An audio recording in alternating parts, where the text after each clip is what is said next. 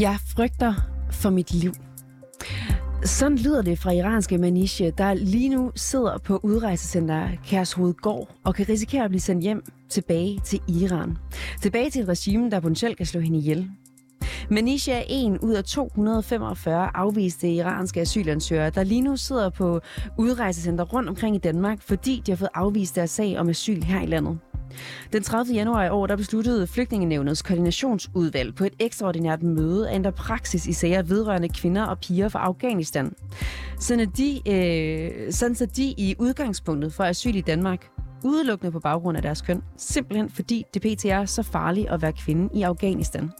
Derudover så blev det besluttet, at afghanske kvinder, der har fået afslag på deres asylsag i Danmark, efter Taliban overtog magten i Afghanistan i 2021, skal have genoptaget deres sager. I lyset af den aktuelle situation i Iran, bør det samme så gøre sig gældende for de iranske kvinder? Eller skaber de nye ændringer som minimum præcedens for, at øh, man også bør genoptage afviste iranske asylansøgers sager? Det er rapporterne i dag. Mit navn det er Ida Gavnø.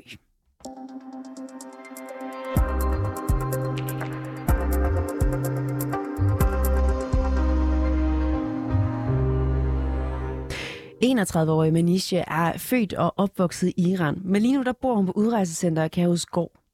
Og så går hun og venter på at få at vide, om hendes sag om, øh, an, øh, hendes sag om ansøgning om asyl kan blive genoptaget eller ej.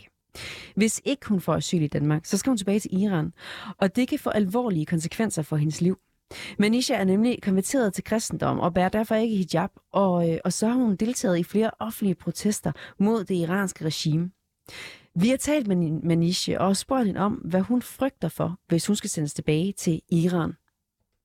Um, losing my life and um, in the most optimistic way, losing my freedom and security and um, long-term imprisonment. Manisha fortæller her, hvordan hun frygter for sit liv og i bedste fald at miste sin frihed og sikkerhed.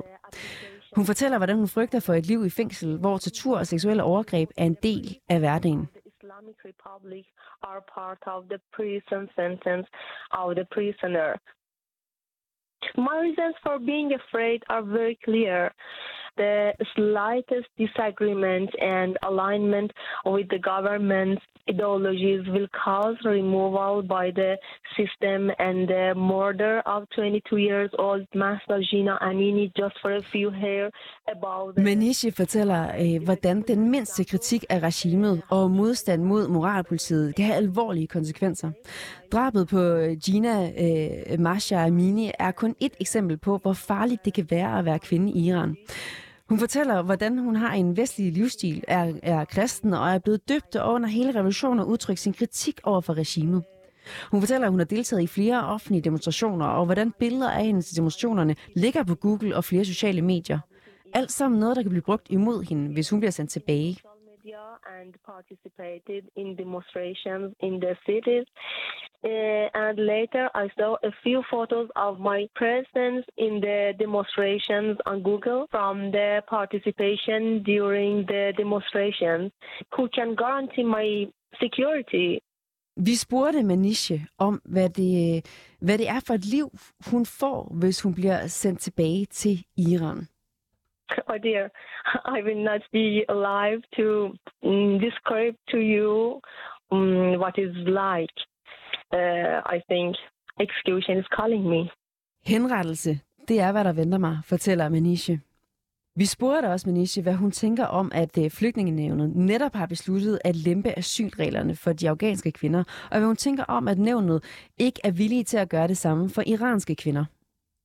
It's very gratifying that finally, after about half a century, um, the frightening condition in the Middle East have been seen by Western governments. Finally, a very small part of the crime that are committed daily against women in that region was seen. Congratulations. Uh, maybe the Danish authorities don't want to provide similar condition for Iranian women in Denmark, but this function... Hun fortæller her om, hvordan det er glædeligt, at en vestlig regering endelig reagerer på de skræmmende og farlige forhold, der i lang tid har gjort sig gældende for kvinder i Mellemøsten. Hun fortæller, hvordan hun ser mange ligheder mellem Iran og Afghanistan, og uddyber, hvordan kvinder i Iran i mange år har været frataget helt basale rettigheder. Hun uddyber og fortæller, hvordan regimet i Iran på mange måder styrer landet på samme måde, som Taliban gør det i Afghanistan. Og øh, blot er det mere skjult i, i Iran.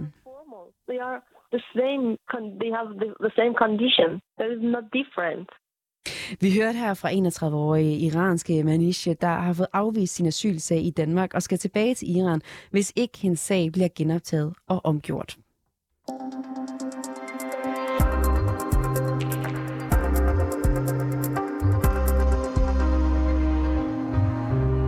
Og nu kan jeg så sige velkommen til dig, Niels Erik Hansen. Tak. Du er advokat og specialiseret i sager vedrørende menneskerettigheder og asyl. Og så sidder du til daglig med mange af de her sager fra afviste asylansøgere, både fra Afghanistan og altså også fra Iran. Hvis vi skal starte med at fokusere på de afviste iranske asylansøgere, og særligt på de kvindelige, hvad er det så for en situation, mange af dem står i lige nu? Desværre er det jo sådan, at der er givet afslag gennem årene til en række af de her kvinder, øh, uanset at man jo sådan set hele tiden har været klar over, at det betød, at man ville sende dem tilbage til i hvert fald tørklædet tvang, øh, men også måske værre ting end det. Øh, og de kvinder, de er så gået under jorden, befinder sig måske hos familie og venner. Øh, nogle opholder sig på de her udrejsecentre, i en situation, hvor man for tiden ikke kan sende dem ud, men, men hvor de hele tiden er i risiko. Så der er jo en meget stor angst blandt de her kvinder. Som advokat, hvad er den største udfordring, du står med i forhold til at hjælpe de her kvinder? Helt aktuelt, der har vi den meget, meget, meget store udfordring, at der jo er sket nogle forfærdelige ting i Iran, som vi meget gerne vil henvise til for at kunne søge genoptagelse for mange af de her kvinder. Men øh, udfordringen ligger jo i, at øh, man ikke bare kan henvende sig og søge om genoptagelse. Øh, Hvorfor kan man ikke det? Jamen, der er en række, som jeg siger, kvinderne, der er gået under jorden, og øh, de danske myndigheder vil slet ikke behandle din genoptagelsesanmodning, hvis ikke du befinder dig på det sted, hvor du har fået besked på, at du skal være, altså for eksempel Kærshovedgård. Og øh, hvis man ikke er der, hvor man skal være, øh, så overholder man jo heller ikke sin opholds- og meldepligt, og det betyder jo, at øh, når jeg får en henvendelse fra en øh, iransk kvinde, som kommer og beder om hjælp til at søge genoptagelse, så må jeg jo starte med at sige til hende, jamen, så skal du gå hen og henvende dig til de danske myndigheder og sige, her er jeg, øh, med den risiko, at hun jo så bliver sat i fængsel. Hun har ikke overholdt sin meldepligt, hun øh, er udvist, og hun skulle jo have været rejst for længe siden. Og det betyder jo, at øh, de her kvinder tør ikke at, at henvende sig, og derfor må jeg jo så også sige til dem, at øh, jamen, så kommer vi ikke længere. Vi kan simpelthen ikke søge genoptagelse, når ikke du er der, hvor du bør være. Hvis vi skal vende blikket mod det regime, som kvinderne kan blive sendt tilbage til, hvad er det så, kvinderne kan risikere, hvis de skal tilbage til Iran? Jamen, Iran har jo gennem årene været noget af det aller værste i forhold til kvindeundertrykkelse. Øh, det er det land, der henretter flest kvinder. Altså siden 2007 er der jo blevet henrettet mere end øh, 200 kvinder i Iran.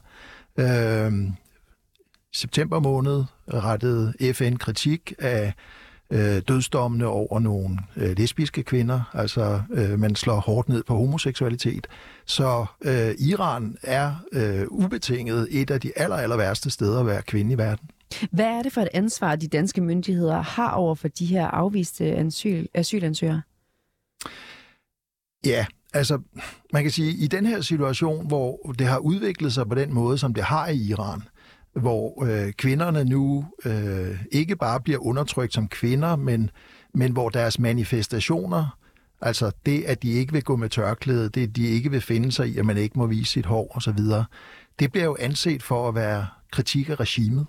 Altså det bliver, kan man sige, blandet sammen med den almindelige undertrykkelse af hele befolkningen, og øh, det er jo både altså kurder og araber og ja, altså perserne, øh, iranerne, øh, som er gået sammen om at protestere mod styret på baggrund af øh, det, der i udgangspunktet var et, et kvindeoprør. Og øh, den undertrykkelse, der nu finder sted, der er der jo mener jeg, et ansvar for, at øh, mine klienter så skal have en ny chance for at få deres sag prøvet. Når de nu har svært ved faktisk at få genprøvet deres sager på grund af den situation, de er i, altså de er gået under jorden, mm. hvad kan man så gøre? Ja, altså det, der skete helt konkret for en af mine klienter her, øh, der havde henvendt sig og spurgt, om jeg kunne hjælpe hende, øh, det var jo, at hun altså simpelthen blev fanget af politiet. Øh, de kom flere gange hjem hos hendes søster, og, og der var hun der jo så desværre og blev taget med af politiet. Og i det øjeblik, hvor hun så sad i fængsel, så kunne jeg søge hendes sag genoptaget. Og, og det har nævnet jo så også gjort. Øh, og det vil sige, at nu er hun så blevet løsladt, og, og vi skal i flygtningenævnet med hendes sag. Men, men vi står jo i sådan en underlig catch-22-situation, fordi jeg skal sige til min iranske klient, at, at du skal altså henvende dig, eller lade dig fange, mm. øh, inden jeg kan få din sag genoptaget. Og, og der kan man jo sige, at situationen er jo så helt anderledes nu for de afghanske kvinder. Fordi indtil nu har vi jo haft den samme situation, altså at afghanske kvinder er også gået under jorden, øh, opholder sig her i Danmark øh, hos familie og andre steder. Og der har vi jo på samme måde tidligere skulle sige til dem, at du skal altså gå hen og henvende dig, øh, og det tør de jo ikke. Men, men Altså bliver, de nu, så, bliver nu... de så siddende i fængslet, øh, mens deres sag øh, bliver genoptaget, og, bliver, og, og så når den bliver afvist eller godkendt, så hvis den bliver afvist, så bliver de sendt tilbage direkte fængsel, eller kommer de ud i mellemtiden og kan i virkeligheden gå under jorden en gang til? Ja, man kan sige nu, den iranske kvinde, hun er jo blevet løsladt nu, og vi venter på at skulle i flygtningenævnet. Og af den grund har hun jo absolut ingen grund til at forsvinde igen. Nu, nu har hun jo en stor interesse i, at vi kan komme ind og få prøvet hendes sag af. Men, men hun har jo været heldig, kan man sige, at, at hun havde en god sag, der førte til genoptagelse. Øhm, og øh, hun er jo stadigvæk i en risiko for at få afslag i flygtningenævnet, og derefter blive sendt hjem. Hvordan svigter myndighederne deres ansvar, hvis de eksempelvis sender kvinder, der er konverteret til kristendommen, ikke bærer øh, hijab og, og offentligt har udtrykt sig kritisk om regimet tilbage til, til Iran? Jamen, det er jo en konkret vurdering, kan du sige. Ikke? Altså, i forhold til de afghanske kvinder, der har man nu besluttet, som vi nævnte i starten i koordinationsudvalget, at, at der er simpelthen tale om en generel forfølgelse, der gør, at alle kvinder fra Afghanistan får beskyttelse. Øh, det var den første sag her i fredags, jeg havde med en afghansk kvinde og hendes lille barn, og de fik simpelthen asyl af generelle grunde. Så nu kan vi jo sige til alle de afghanske kvinder, også dem, der er gået under jorden, at nu kan de roligt henvende sig og få asyl. Der, hvor, hvor det svigter i første omgang, det er, som vi lige har snakket om, at, at man slet ikke kan få sin sag prøvet, mm. fordi man ikke tør stå frem. Man er ikke sikker på, at man får mulighed for at, at få sin sag prøvet. Øhm, og så spørger du om, ja, hvad så, hvis vi får lov at få sagen genoptaget, og man så derfor afslag? Og der er vi selvfølgelig i en situation, hvor vi jo må håbe og tro, at flygtningenevnet lader sig påvirke af de her oplysninger, der er om undertrykkelsen af kvinderne i Iran. Og hvis de ikke gør det, jamen så er det jo sådan, at vi indbringer sager for de internationale organer, altså det er jo for eksempel den europæiske menneskerettighedskonvention, eller FN's menneskerettighedskomité, eller kvindekomiteen. Øh, så må vi jo gå videre med sagerne dertil og få dem afprøvet internationalt. Hvis I tager til sagerne dertil, hvor lang tid tager det så? Altså, hvor lang tid skal de vente? Øh, ja, altså umiddelbart, øh, så har jeg jo lige fået løsladt en kvinde, der sad i fængsel øh, her, øh, fordi FN's øh, menneskerettighedskomité gik ind i hendes sag. Og øh, de kan gå ret hurtigt ind og, og stoppe udsendelsen til hjemlandet. Øh, men når så først øh, vi har fået stoppet udsendelsen, så kan det godt tage et par år eller tre.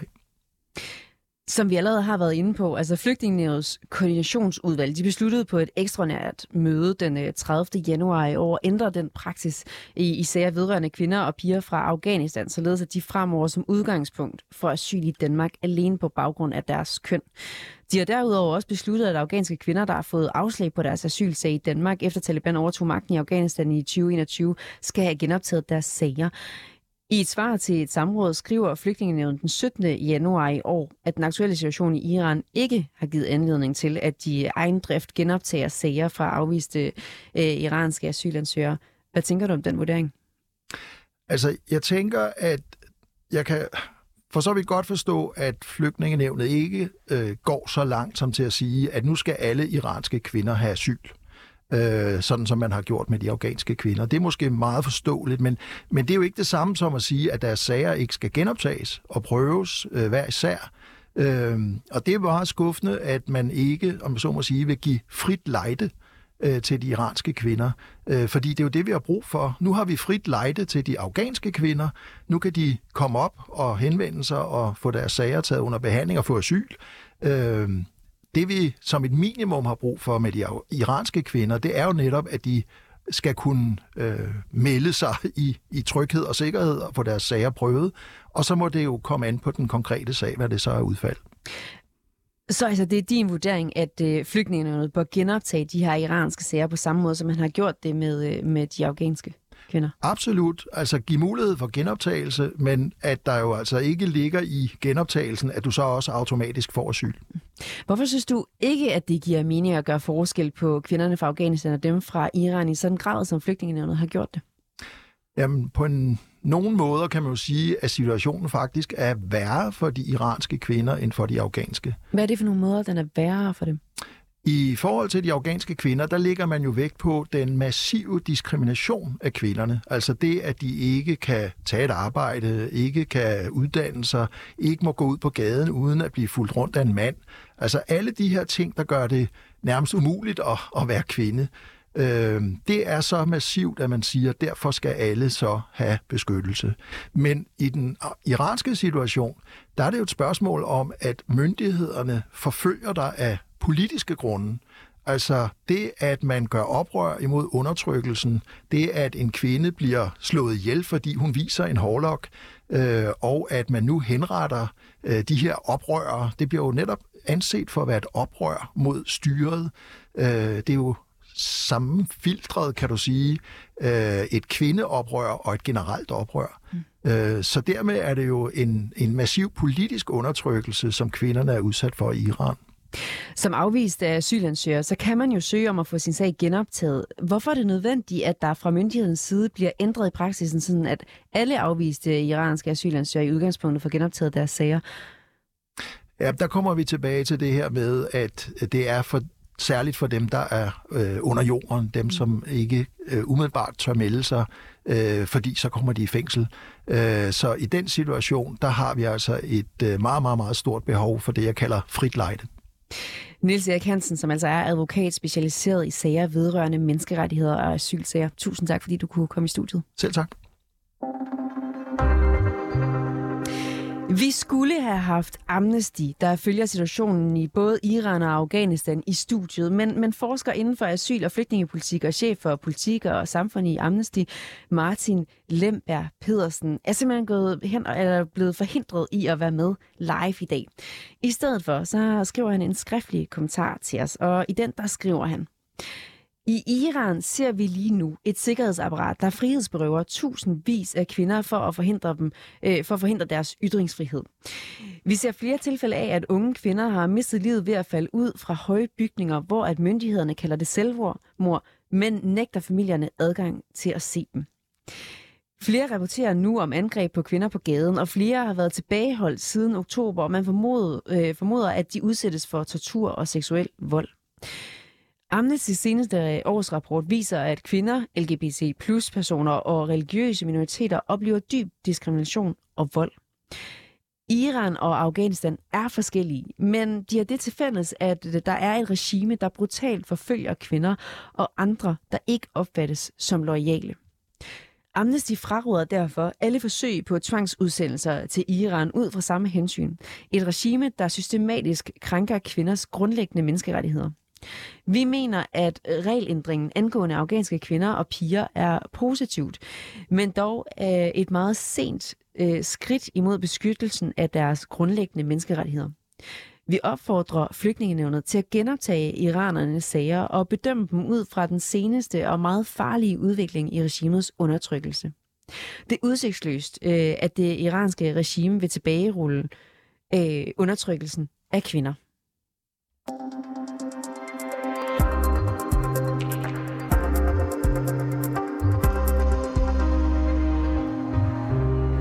Skal afviste iranske asylansøgere have genoptaget deres sager? Det er spørgsmålet, vi stiller i rapporterne i dag. Alternativet og Enhedslisten har rejst kritik af udlændinge- og integrationsminister Kåre Dybvad for ikke at skride til handling over for afviste iranske asylansøgere, der potentielt kan blive sendt øh, hjem til tortur, forfølgelse og i værste fald henrettelser. Tidligere i dag, der spurgte jeg derfor udlændinge- og integrationsordfører fra Enhedslisten, Rosa Lund, om hvad hun mener, at ministeren bør tage initiativ til. Hvad er det, I øh, gerne ser, at regeringen og udlænding- og integrationsministeren tager initiativ til i forbindelse med de øh, afviste iranske asylansøgere? Jamen, det vi synes, øh, der skal ske nu, det er, at man skal gøre det samme som med de kvinder fra Afghanistan, nemlig at man genbehandler sagerne. Hvorfor? Situationen i Iran har jo ændret sig gevaldigt, må man sige, øh, siden øh, oprøret, kan vi kalde det det, i, øh, i september. Mm. Og, øh, og derfor er det simpelthen ikke sikkert. Jeg vil faktisk sige, det er direkte uansvarligt at sende kvinder, der er flygtet fra Iran, tilbage til Iran. Og derfor bør ministeren sætte gang i, at deres sager bliver genvurderet. Er det alle de afviste iranske asylansøgere, I mener skal have genoptaget deres sager, eller er det kun de iranske kvinder? Det er alle, fordi situationen har jo ændret sig. Men situationen er bare særlig alvorlig for kvinderne. Det er jo det øh, uafhængige flygtningenevn, der sidder med vurderingen af de afviste asylsager, og, øh, og flygtningenevnet har den 17. januar i år vurderet den aktuelle situation i Iran, øh, at den ikke har givet anledning til, at de af egen drift skal, skal, skal genoptage afgjorte iranske asylsager. Og i et samråd i sidste uge, der henviste ministeren netop til den her vurdering, hvor han sagde, at han havde fuld tillid til nævnets vurdering, og at han hverken kan eller vil blande sig heri. Og det er også derfor, han heller ikke vil stille op til interviews, også i, i dag, fordi han henviser til det. Er det ikke netop flygtningenevnets og ikke politikernes opgave at vurdere, om der er grundlag for, om de afviste asylansøgere skal have taget deres øh, sager op igen eller ej? Jo, det er det. Men nu har situationen bare ændret sig rigtig meget i Iran, og det bør jo give anledning til, at ministeren sætter gang i at få myndighederne til at kigge på sagerne igen. Det kan ministeren sagtens, uden at overskride sine beføjelser. Også selvom det er så sent som den 17. januar, at flygtningenævnet øh, laver den her vurdering? Ja, det mener jeg helt bestemt. Jeg mener ikke, at udlændingeministeren overskrider sine beføjelser ved at sige til myndighederne, at de skal gennemgå sagerne en gang til. Jeg beder jo ikke ministeren om at afgøre sagerne. Så er det din opfattelse, at øh, udlænding- og integrationsministeren godt kan, men ikke vil af eget initiativ for genoptaget de afviste øh, iranske asylansøgers sager? Det er min klare opfattelse, at Kåre Dybvad simpelthen er bange for at røre ved det her. Man er simpelthen bange for, efter min opfattelse, at der var nogle iranske kvinder, som alligevel skulle få asyl. Og det udgangspunkt kan jeg jo slet ikke forstå. Og hvis ministeren ville stille op til interview, så kunne vi jo høre, hvad det egentlig er, han tænker. Lige nu kan jeg jo kun gå og gætte på det.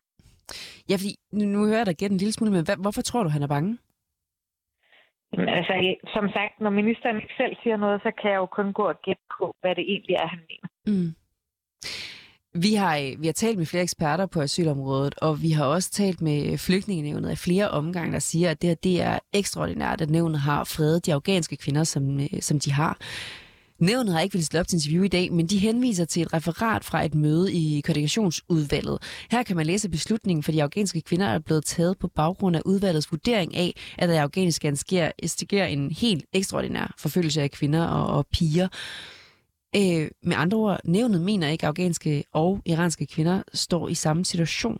Kan man ikke stole på nævnets øh, vurdering her? Jeg byder i hvert fald mærke i, at der er andre flygtningeeksperter, som mener, at de står i samme situation. Når vi kigger på det iranske præstestyres forhold til kvinder og krav til kvinder, så minder de jo ret meget om Talibans forhold og krav til kvinder. Så det mener du, det er nok til, at de står i samme situation? Det mener jeg bestemt, ja. Som sagt, så er det her jo en ekstraordinær lempelse, der er blevet besluttet for de afghanske kvinder. Hvis de samme lempelser bliver givet til iranere, øh, der er den største gruppe af afviste asylsøgere i, i Danmark, risikerer vi så ikke en glidebane, hvor vi tillader, tildeler asyl til folk, der øh, potentielt godt kan vende tilbage, uden at blive forfulgt? Nej, det mener jeg ikke. Der er jo tale om lige over 200 mennesker her. Altså, der er jo ikke tale om 4.000, øh, som man nogle gange godt kan få det til at lyde som om, det har vi da masser af plads til i Danmark. Så det ser du ikke som noget problem? Nej, det gør jeg bestemt ikke. Rosa Lund, udlænding og integrationsordfører fra Enhedslisten. Tak for din tid. Tak fordi jeg måtte være med. Vi har ragt ud til udlændinge- og integrationsminister Kort Dybvad, der ikke har ville stille op til interview i dag. Han er kommet med et skriftligt svar til os, og det vil jeg citere fra her. Det er hverken regeringen eller mig som minister, der foretager vurderingen af, om en udlænding har et beskyttelsesbehov. Sådan er det under denne regering, og sådan var det under tidligere regeringer. Jeg vil kraftigt advare imod, at vi gør det til et politisk spørgsmål. Det er det uafhængige flygtningenævn, der har truffet beslutningen om at give alle afghanske kvinder og piger asyl samt genoptage nogle sager. Helt på samme måde, som det for nogle år siden var nævnet, der vurderede, at de generelle forhold i Damaskusområdet i Syrien var ændret. Det vil således også være asylmyndighederne, øh, øh, og ikke mig som minister, der skal vurdere, om det på et tidspunkt er en anden øh, vurdering af situationen, om der på et tidspunkt er en anden vurdering af situationen i Iran. Jeg har tillid til, at øh, udlændingemyndighederne afgør alle sager inden for rammerne af udlændingeloven og vores internationale forpligtelser, herunder FN's flygtningekonvention. Hvis en afvist vist asylansøger mener, at der er nye oplysninger i sagen eller nye forhold i hjemlandet, så har den pågældende mulighed for at anmode flygtningenævnet om at genoptage sagen.